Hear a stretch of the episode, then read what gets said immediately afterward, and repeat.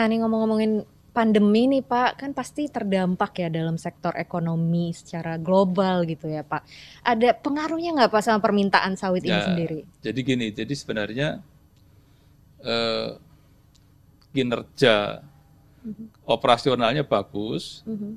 kemudian kinerja eh, produksinya bagus ya, karena kan kalau saya lihat data sampai dengan Juni sih positif ya, naik Positif. produksinya, jadi produksinya naik ya, naik masih naik sekitar 4 persen. Pasar Nah, domestik, permintaannya ini Pak. pasar domestik juga naik, domestik Oh, naik. naik. Karena domestik itu di-trigger oleh satu adalah biodiesel, Mhm. ya.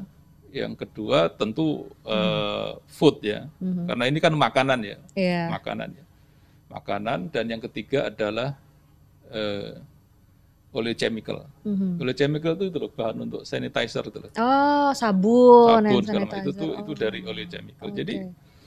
pasar domestik juga positif, Mhm. ekspor.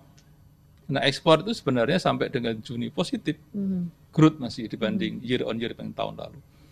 Memang kita ekspor itu sempat kontraksi itu di 2020.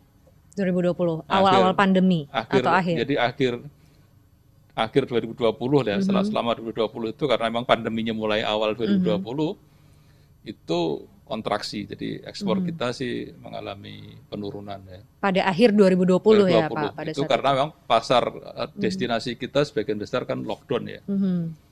Nah, tahun ini mulai recover beberapa. Mhm. Cina itu udah recover. India yang sekarang masih apa up and down. Mhm.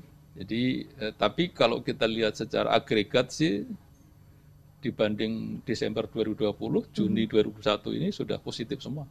Ya. Kalau kita ngomong-ngomong mengenai Horeca nih Pak kan eh, pada saat gelombang kedua ini kan lumayan eh, terdampak kembali nih Pak. Ada ada perubahan nggak sih Pak? Ya. Mungkin sebelumnya besar di Horeca lalu mungkin ke produk turunan yang lain.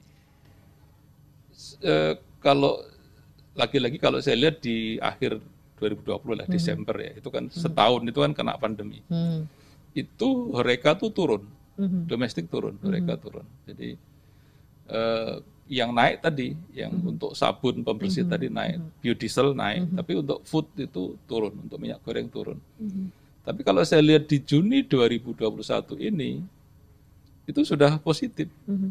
sudah positif. Sebenarnya kan ini karena dari Q2 kemarin kan sudah mulai dilonggarkan, jadi Horeca udah mulai buka, jadi sebenarnya eh, positifnya karena itu. Oke. Nah, kalau kita ngomong-ngomong nih Pak mengenai em, tadi udah ngobrol mengenai industri-industri yang terdampak dan ternyata ada ada peluang baru yang mungkin permintaannya lebih besar di hand sanitizer, sabun dan lain-lain. Nah, kalau kita ngomongin mengenai industri sawit nih Pak, lekat banget sama pekerjanya nih Pak. Ada berapa sih sekarang yang bergantung sama industri sawit? Ya.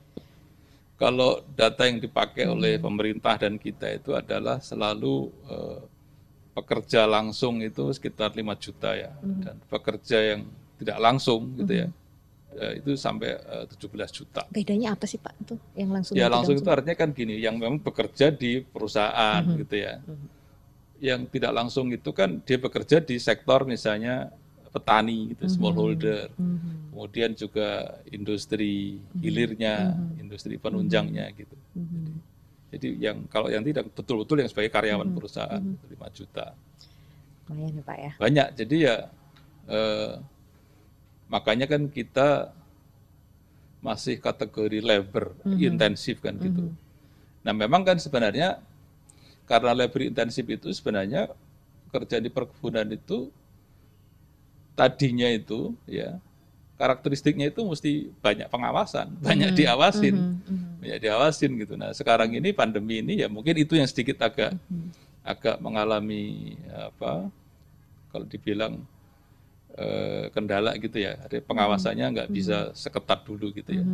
Tapi ini ke sekaligus menjadi tantangan gitu. Gimana cara ngawasin gitu ya Ya. pekerjaan-pekerjaan di perkebunan karena kan nggak bisa seperti ini terus gitu kan. Jadi nah itulah nanti yang kemudian kita mulai bicara mengenai teknologi. ya. Teknologi harus bisa menggantikan kegiatan pengawasan di perkebunan. Gitu-gitulah nanti yang Iya. ini kalau Ke depannya ya, Pak, ke ya? depan ini. Future-nya.